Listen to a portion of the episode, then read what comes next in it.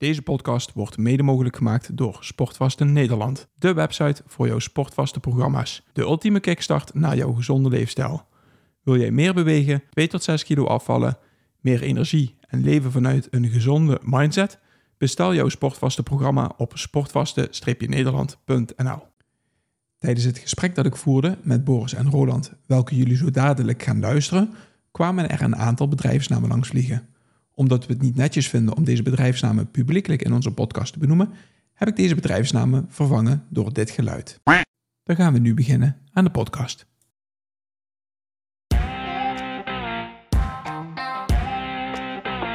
Welkom bij de Optimizers Podcast met Paul Willem, Roland Griek en Boris Cornelissen. We praten over gezondheid, groei en het optimaliseren van je gewoontes. Voor iedereen die zichzelf en zijn onderneming wil optimaliseren om er zoveel mogelijk uit te halen. Neem vooral niet alles klakkeloos aan, maar pas onze kennis toe om het zelf te ervaren. Om zo jouw leven te optimaliseren. Zijn we er weer? We zijn er weer. Ja. Even, even snel ingestart. nee, nee, goed. We, eh, ja, we- ik had net gevraagd, zullen we het gewoon opnemen? Want eh, eigenlijk na, na het opnemen van de vorige podcast hè, over eh, eh, Bit- Bitcoin Amsterdam, eh, zei ik tegen jou van ja, hiertoe ben je, to- hiertoe ben je voor op aarde. En toen zag ik gewoon dat je al redelijk vol schoot. En er ontstond eigenlijk wel een heel mooi gesprek, wat eigenlijk, eh, waarin wij ook haaks tegenover elkaar staan. Mhm. Maar ik vond toch dat we hem even moesten aanzetten. Dus Oké. Ja, ja ik, werd, ik werd emotioneel, want ehm, ik, heb een, ik heb het idee dat dit inderdaad eh, een deel voor, van mijn levensmissie is. Ja, Ja. zeker. ja, ja en dat, dat zag ik aan je. En eh, ja, hetgeen wat we daarna, eh, de weg die we insloegen, was in principe waar, waarvan we weten van elkaar dat wij daar anders in staan. Mhm. En waar we ook al een keer, als we in de podcast proberen we ook die, die kant te vermijden, dat we willen inspirerend zijn.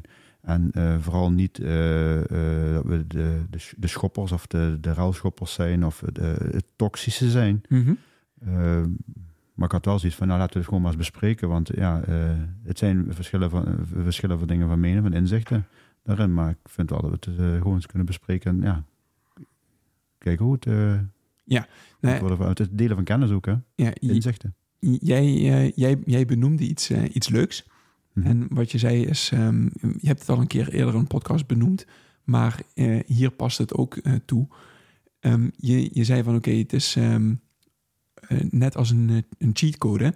We, we, we hadden het over inflatie Oh. en geld bijdrukken. Misschien Ja. is dat Ja. handig om te vernoemen. want- Ja, ja, ja. En, het even, Exact. ja, en eh, misschien handig voor de mensen om eerst even nog even de podcast te luisteren over eh, Bitcoin Amsterdam. Mhm. Want ja, Ja. eigenlijk daaruit kwam, komt dit, dit, ja, dit gesprek eigenlijk voort, inderdaad. Hè, Dat, eh, ja, dat het inderdaad, eh, ja, het is het enige wat, wat waarde kan behouden. Hè, of wat, wat schaarste, eh, absoluut schaarste is, hè, die 21 miljoen.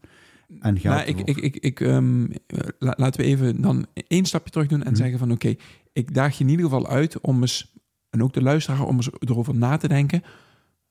Wat is absoluut schaars? Dus als je oneindig tijd en oneindig energie hebt, wat is er absoluut schaars op deze wereld? En niet eens deze wereld, ik denk zelfs in het universum. Want Mhm. je zou naar goud kunnen gaan, maar kan me goed voorstellen dat, je, dat we eens een keertje over eh, 200 jaar gaan space minen. Mhm. Hè, dus dan heb je het over wat is absoluut schaars. En dan kom je op heel weinig dingen uit. Bijvoorbeeld, ehm, eh, als je nu zo zou willen, zou je de Rembrandt eh, met gigantisch veel energie en gigantisch veel tijd erin steken, zouden ze die streepjes net zo kunnen zetten als Rembrandt. En je hebt een kopie ervan gemaakt, die niet te onderscheiden is van, van de, de echte. Mhm. En dus denk eens even na, wat is echt, echt, echt schaars? Nou, ik kom uit op tijd, de tijd die mij gegeven is op deze wereld, en bitcoin. Mhm. En we hadden het over inflatie. En daarbij zei ik van, ja, weet je, er wordt elke keer als er een lening aangevraagd wordt, wordt er geld bijgedrukt door bankiers. Mhm. En toen benoemde jij van, ja, dit is eigenlijk net als een cheatcode. Op het moment dat jij een cheatcode hebt voor een eh, computerspelletje, Ja, dat had ik vroeger. Nou, dat zei je ook inderdaad. Hè, van, ja, het, eh, het voelde een beetje als inderdaad. hè, je, je had een nieuw spelletje. En die probeer je uit te spelen. En in het begin gaat dat niet. Ja, en goed, eh, mensen weten inmiddels ook wel dat ik niet de meest geduldige persoon ben. Dus op een gegeven moment eh had ik mijn neus ervan vol. En dan ging ik naar een cheatcode zoeken. En had ik oneindig veel levens. En warempel binnen een half uur of een uur had ik het spel uitgespeeld. Alleen, ja, niet zoals het bedoeld was. Ik had nergens over nagedacht. Eh 83 keer onnodig dood gegaan. Maar ja, ik, ik stond toch weer op en ik kwam weer verder. En dan had ik het spel uitgespeeld, maar ja, waarde had het niet echt. Nee, precies. En daaraan kan je al resulteren dat Mhm. op het moment dat iets schaars is, hè, stel je hebt een x aantal levens in het Ja. spelletje en je zou dat spelletje nooit meer kunnen spelen, Mhm. behalve als jouw vijf levens op zijn of jouw 21 miljoen levens op zijn, Mhm. Ehm, dan ga je erover nadenken Ja. hoe je die inzet. Ja. En dan zorg je ervoor dat je die op een zo effectief mogelijke manier Mhm. inzet. In ieder geval niet zinloos. Niet zinloos. En op dit moment, we leven in een tijd waarbij geld, hè, jij bent hard aan het werken en voor dat werk wat jij levert, krijg jij geld. Mhm. Maar naast jou zit een bankier en die drukt letterlijk op een knopje. Die stopt daar geen tijd, geen energie, geen economische tegenprestaties eh, zet hij daar tegenover. En die maakt het geld poef uit het niets wat jij net verdiend hebt. En dat heeft effect op het geld wat jij verdiend hebt. Want dat Hmm. zorgt ervoor dat het, ehm, het geld wat jij verdiend hebt, dat dat minder waard wordt. En niet eens het geld wat je verdiend hebt, dat heeft effect op de levenstijd die jij erin gestoken hebt. Mhm. Dus er is een centrale partij die blijkbaar invloed heeft op jouw levenstijd. Op wat jouw levenstijd waard is. En dan ga je, als je op die manier over Bitcoin denkt en over schaarste denkt, Mhm. dan denk ik dat je beter kan begrijpen waarom het voor mij een levensmissie is Ja. om deze kennis aan mensen over te dragen. Mhm. Ja, want het geld, wat zeg maar, ja, je, er wordt letterlijk op een knop gedrukt. Het geld wordt niet eens gedrukt, hè? Het is Nee. gewoon op een knopje wordt geduwd en er is in één keer eh, een paar miljard extra. Ja. En eh, dat wordt uitgegeven aan dingen waar, ja, waar we het eigenlijk niet aan uit willen geven. Voornamelijk in dit geval ook een, een oorlog en zo, hè? Ja, ehm, met, met fiat geld, en dan heb ik het over euro's, eh, kunnen oorlogen gefinancierd worden. Mhm. Ehm, er is wel een bekende zin, all wars are bankers wars. Er zijn, eh, ehm, ik denk dat er eh, ehm, partijen zijn die aan twee kanten van de oorlogen eh, verdienen. En ja, ehm, op het moment dat je schaars geld hebt, dan denk ik dat er twee, drie, vier keer nagedacht wordt of, of dat er een oorlog gevoerd wordt. Want die, die oorlog moet wel efficiënt zijn.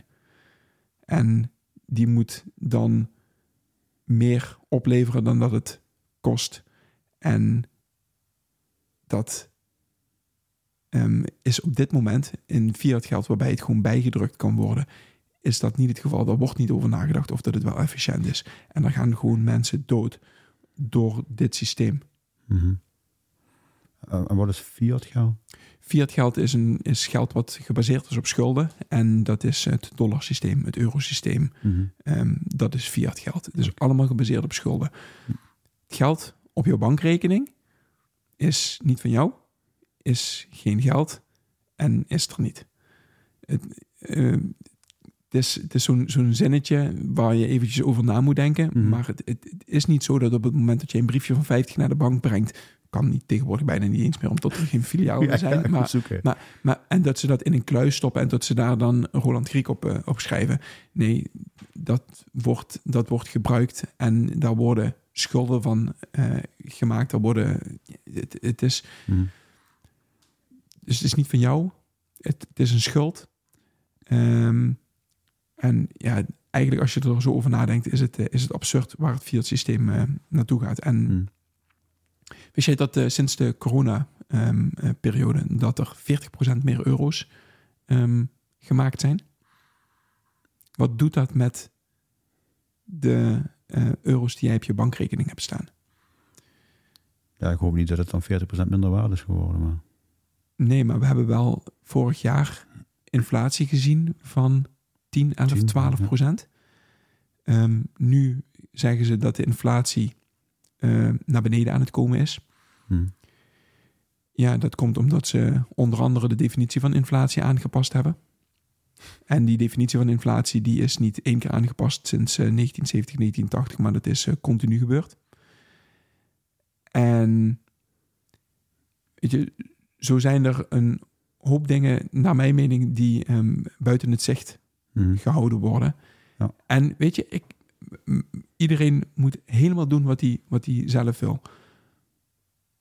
Maar naar mijn mening is sparen in euro's is ehm, eh, een, een hele lastige. Want met de inflatie die we op dit moment hebben, zijn jouw euro's over 13 jaar nog maar de helft waard. Ja. Even makkelijk gezegd, als je 100.000 euro op je rekening hebt staan en de, eh, de rente is, zeg even 2%, en tegenwoordig hebben we weer eh, rente, hè? dus Mhm. zeg, zeg even dat 2% is, Ja. maar de inflatie is, eh, zeggen we 4%, dan heb je toch 2% ingeteerd op je vermogen, ik maar zeggen. Hè? Dan heb je wel 2000 euro meer op je rekening staan, maar je kan er 4000 euro minder verkopen, ik maar zeggen. Ja, precies. precies. Ja, ja, ja. ja. En, en het ap- aparte is, ehm, er wordt altijd geroepen dat er inflatie moet zijn, Mhm. maar hebben we er al eens over nagedacht waarom er inflatie moet zijn? 2% inflatie is een ideaal punt. Waarom is dat? Geen idee. Misschien is het een goede om daarover na te denken. Mijn eerste gedachte is zodat anderen eraan kunnen verdienen aan die inflatie. Mhm. Ja, we- weet je, ik, ik, ik heb het antwoord ook niet. Ik Waar- heb, waar- waarom ik heb het, waarom altijd het- ge- gedacht dat het een verdienmodel voor iemand is. Of iemanden. Ja. Want ik, Hm. ik heb daar wel over nagedacht. Ik, kan het antwoord, ik heb het antwoord niet. Nou, het, het grappige is, wat er gezegd wordt, is dan hebben we. ehm, dan, dan, dat komt omdat we economische groei nodig hebben. Want op het moment dat jouw geld morgen meer waard is dan vandaag, dan geven mensen het geld niet uit en dan hebben we geen economische vooruitspoed. En dan, dan, dan, ehm, Geen groei. Geen, geen economische groei inderdaad. Mhm. Dat is hetgeen wat er, naar mijn mening, eh, Hmm. gezegd wordt. En in eerste instantie klinkt dat logisch. Maar we hebben één markt waarbij, of in ieder geval één markt waarbij we precies het tegenovergestelde zien. En dat is de iPhone van jou. Jij koopt vandaag een iPhone omdat je een nieuwe iPhone nodig hebt. Maar je weet 100% zeker dat er over twee jaar dat er een iPhone op de markt gaat zijn die beter is, die efficiënter is, die mooiere foto's maakt, die sneller is. Mhm. Maar je koopt toch nu die iPhone omdat je die iPhone nu nodig hebt. Dus- wil hebben. Eh, wil hebben of nodig hebt. Nou, nodig hebt. Maar de computermarkt is iets wat deflationair is. Je kan morgen kan je iets efficiënters kan je kopen dan vandaag. Mhm. En alsnog zie je dat mensen vandaag dingen kopen. Dus ik vraag me af of dat, eh, of dat eh, argument van we hebben economische groei nodig, dat dat, eh, dat, dat eentje is die. Dat een argument is die, die stand houdt. Ja. Oké.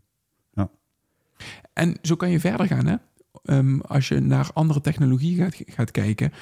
ehm, een aantal, ja, laat zeggen, 80 jaar, 100 jaar geleden hadden ze een heel dorp nodig om een, eh, om een veld eh, te oogsten en te zaaien en noem het maar op.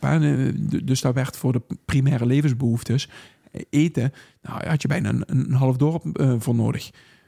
We zijn inmiddels door technologische vooruitgang zijn we zo ver gegaan dat we machines hebben en dat in principe één persoon dat ehm, Regelen. kan regelen. Mhm. En als je daarover gaat nadenken, hoe kan het dan zijn dat we dus het werk efficiënter gemaakt hebben, Mhm. maar dat de producten niet goedkoper zijn geworden? Hoe, hoe, hoe, dat, dat zou toch moeten betekenen dat de producten goedkoper moeten worden? Mhm. Dat is ook altijd alle drijfveren geweest van mensen, of ja, van bedrijven om, zou je zeggen, om dat efficiënter te doen, omdat het goedkoper wordt voor de mensen en beter benaderen, makkelijker te benaderen. Ja, en dat is het aparte daaraan. We Nou, het, er is- als, als, er ja? wordt uiteindelijk een verdienmodel aan gekoppeld. Als, het wordt goedkoper gemaakt. Hè? Het, het, het wordt uiteindelijk goedkoper. En omdat het goedkoper is, valt er meer geld mee te verdienen. En hoe- ik, ik, als je, als slimme mensen die dit, eh, die, die, die dit verdienmodel verzonnen hebben, die hebben het zo ingericht dat het ja, dat je er meer aan blijft verdienen en dat het altijd meer wordt. Ja, maar ik denk dat je niet altijd. ehm, de prijs is een signaal. En het is altijd ehm, op het snijvlak van vraag en aanbod. Mhm. En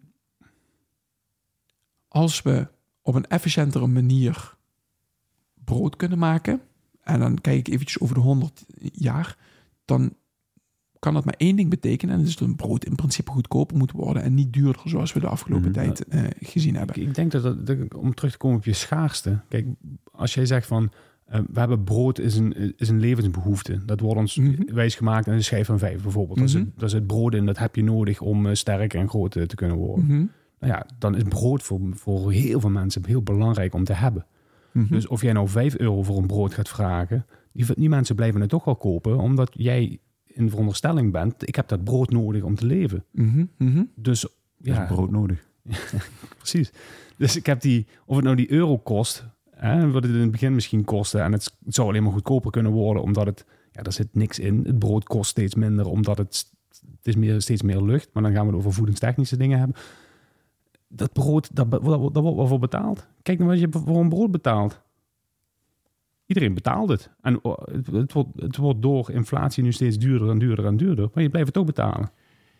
Omdat je denkt dat je het nodig hebt. Ja, en, en dat is het apart. Je zegt het wordt door inflatie worden duurder en duurder en duurder. Maar waar komt, waar komt dat vandaan? Waar komt die inflatie? Waar komt dat vandaan? Wat is de oorsprong van de inflatie? Ja, geen idee. Naar mijn mening eh, is dat, heeft dat te maken met het beschikbare aantal geld. Dus Mhm. be- beschikbare Mhm. geld wat Mhm. er is. Ja, dat zal uit- een, een uitwerking hebben ergens in. Dat, dat, dat begrijp ik. Ja, en dan kom je op een effect wat ze het Cantillon-effect noemen. En dat is een wat technischere term. Maar als je er even over na gaat denken, kan je je voorstellen dat er organisaties zijn, een hele grote organisatie. Ik noem eens eventjes, hè, als we het over brood gaan hebben, tot een, dat die heel veel schulden hebben. Mhm. Die, hebben- die hebben schulden, toch? Ik, ja, ik weet niet. eh, zal, zal best. Op een, op een balans staan Ja, ja. zeker, zeker een, een, een x-aantal vorm van Mhm. schulden staat er. Op het moment dat er geld gedrukt wordt, heel veel geld gedrukt wordt, dan is een van de grote partijen die, omdat ze eh, groot zijn en omdat ze veel geld hebben, die aan de goedkoopste schulden gaan komen. Dus zij komen als eerste aan de rij bij, ehm, eh, als er nieuw geld gedrukt wordt in de vorm van schulden, staan zij als eerste vooraan.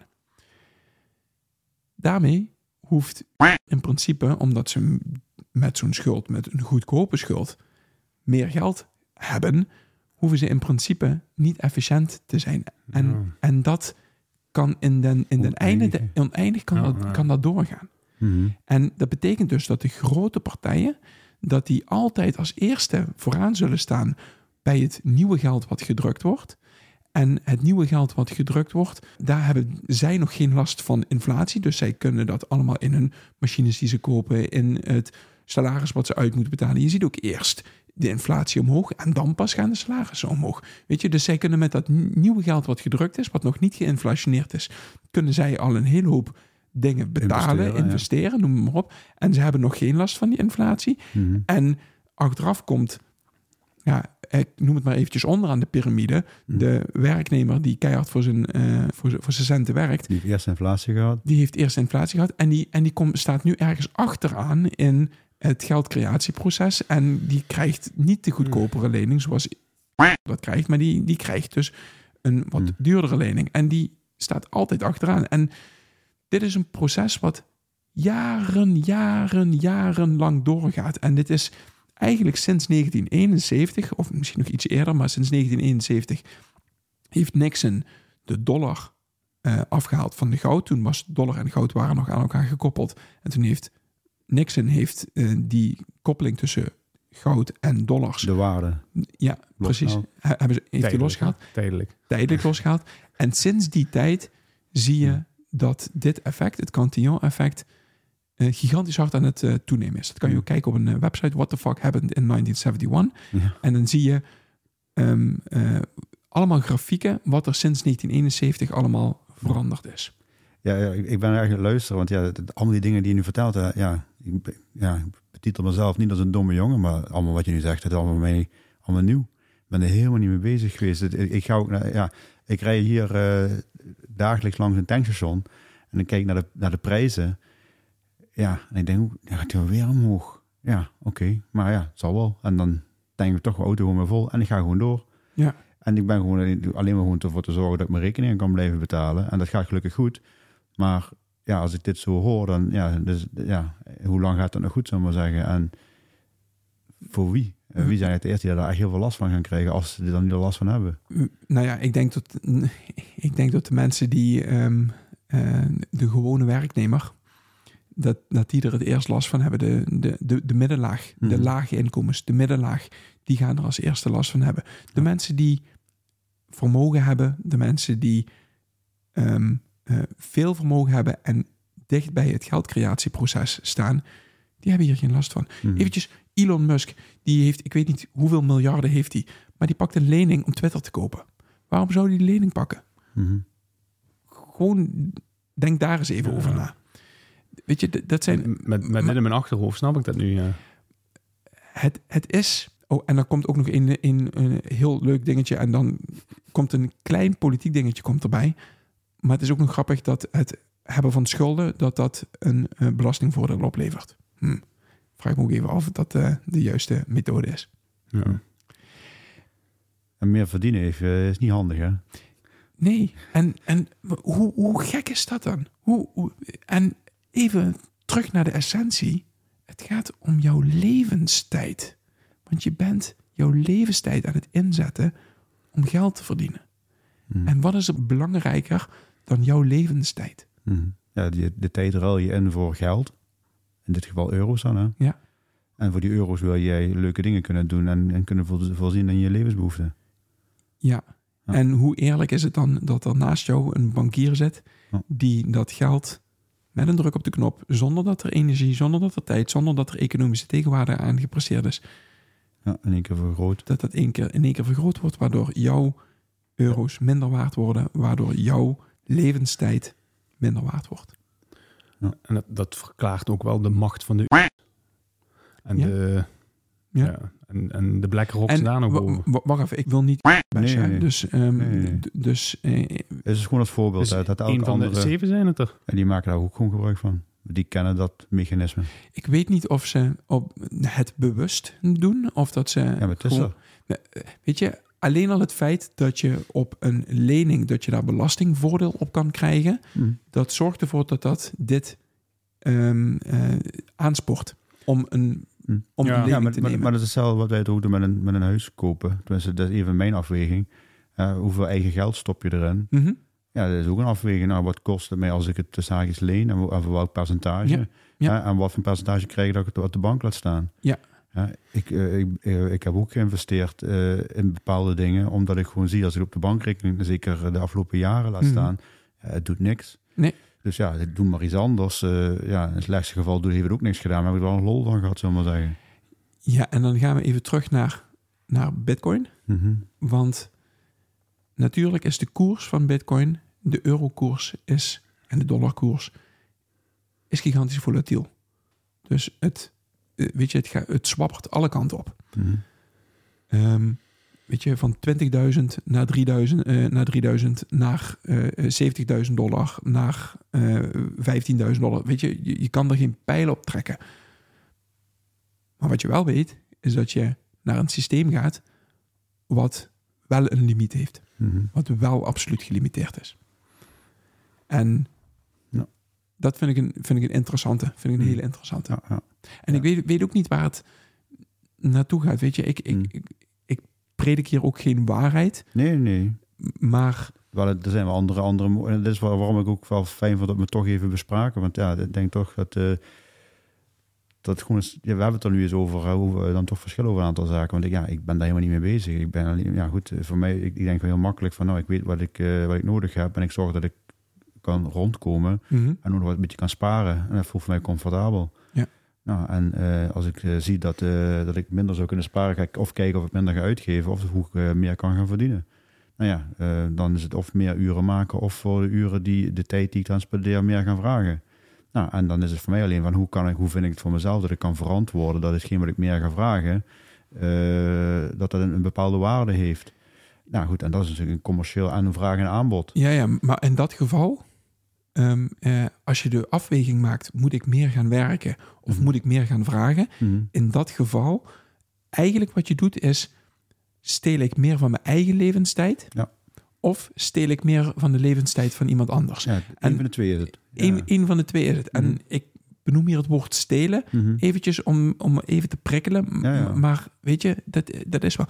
Ik wil nog op, op één punt terugkomen. En het is dat Cantillon-effect. Dat zorgt er in principe voor dat er geen eerlijke marktwerking is. En dat er, dat er geen efficiëntie benodigd is door die grote partijen. Mhm. Die komen altijd aan, groot, eh, aan, aan het snelle en makkelijke geld. Mhm. En daardoor kan er nauwelijks of bijna niet een concurrent opkomen. Want die staan lager in de piramide, om het zo maar te Hmm. zeggen. En dat zorgt voor geen eerlijke Ja, marktwerking. en dat is wat ik bedoel met die En- macht, met die grote macht die deze partijen dan hebben. Precies. En die eerlijke marktwerking, die is nodig Ja. voor efficiëntie. Ja. Die is nodig om de prijzen van producten laag te... Te, te krijgen of te houden. Ja. Precies, want dan krijg je eerlijke concurrentie. Mhm. En als je geen eerlijke concurrentie hebt, dan, dan Ja. kan je zelf je prijzen bepalen. Ja, dat is wel wat ik wel. Ja, als ik dan dingen vreemd vind, hè, eh, is eh, je hoort altijd wel eh, van ja, er is dit en dit aan de hand en daar gaat, gaat, gaat de gasprijs omhoog. En er is dit en dit aan de hand en daarom gaat de gasprijs omhoog. En er is dit en dit aan de hand, want dan gaat de gasprijs omhoog. Maar ik heb nog nooit gehoord van ah, dit en dit is gebeurd en dan gaat hij omlaag. Nee, precies. We zijn uit de crisis gegaan, dus, dus de gasprijs gaat, gaat omlaag. Ja. Nee. nee. Ja. Dus, het, dus het heeft met efficiëntie te maken. Ja. En Ja, de efficiëntie inderdaad. Dat we moeten realiseren dat we niet meer in een wereld moeten, in ieder geval zelf de, aanname moeten doen dat we, niet eh, een cheatcode hebben in het leven. Eh, dat we bewuster moeten zijn met hetgeen wat we doen. Eh, en dat het zinvol moet zijn. En eh, dat je zinvol omgaat met, met de overvloed die er gewoon is. Hè? Want ja, het geluk hier bijvoorbeeld, eh, pak even in Nederland, eh, de gemiddelde ijskasten, die pult uit. En als je ziet wat we weggooien, Ja. ja, het is gewoon zonde. En dat doe je omdat er gewoon toch de zaakjes genoeg van is. ja, en, Onder andere. ja, ja, ja, en dan hebben we het in Nederland nog ontzettend goed. Want er Ja. zijn landen waarbij het ehm, Ja. eh, veel minder goed gaat. Ja, absoluut. En ook niet zeggen dat er in Nederland geen schrijnende gevallen zijn. Hè? Maar Mhm, dat, dat zeker. wil niet bagatelliseren. Maar in, in de basis eh, zou je een kans moeten hebben om een goed leven op te kunnen bouwen hier. Maar dan ja, meer het besef van het eens vanuit de kant van schaarste in plaats van de, de overvloed. Hè? Wat, wat heb ik echt nodig? Ja. Hè? en kijk eens wat ik weggooi aan eten, Ja. tijd, geld, Ja. dingen. Hè, ik denk, eh, ik denk echt, ik, ik durf letterlijk zeggen, als ik, eh, als ik mijn, als ik, als ik dus een halve dag door mijn huis heen loop en ik, en ik zet alles dus op de oprit neer, wat ik niet nodig heb, niet meer nodig heb of nooit nodig heb gehad, Mhm. Dan ga ik me denk ik wel diep schamen wat er allemaal staat. Ja. En ehm, ja, ik denk als je misschien meer vanuit die mindset gaat leven van ja, is dit, is een van de plakketjes die ik op mijn spiegel heb staan van hè, eh, intentie die ik heb voor een dag, eh, is dit het nodige? Is eentje daarvan. Ja. Ook onder andere om eh, de, ja, de situatie waarin, we- waarin we verkeren, dat we best makkelijk iets zouden kunnen aanschaffen, om die ook te remmen. om te voorkomen dat ik toch weer iets gekocht heb van, ja, heb ik het eigenlijk wel nodig? Ja, precies. En, en dat is hetgeen wat ik in de vorige podcast benoemde. We zitten met een groep met 200 man, hè, die, Ja. die, waar ik het over had. Het gaat niet bij Bitcoin. Het, als je een echte Bitcoiner bent, dan gaat het niet om. Ik heb nu zoveel Bitcoin en dat is volgend jaar of volgende eh, over, over vijf waard. jaar zoveel waard. Het gaat over hoe kunnen we efficiënt met de wereld omgaan, met alle resources die de Ja, wereld En Even met de tijd. en efficiënt met de tijd omgaan. Oké. Ja. Nou, mooie afsluiting. Dan, eh, Dankjewel. dankjewel. Bedankt voor de inzichten. Yes. Yes, graag gedaan. Dat was de podcast van deze week. Als jij deze podcast waardevol vindt, like onze podcast. Deel het in je socials en tag ons middels Optimizers Academy. Zo draag je bij dat meer mensen ons weten te vinden. Maak het je missie om iemand anders leven te optimaliseren. We waarderen het enorm dat je naar ons luistert en wensen je een geweldige dag.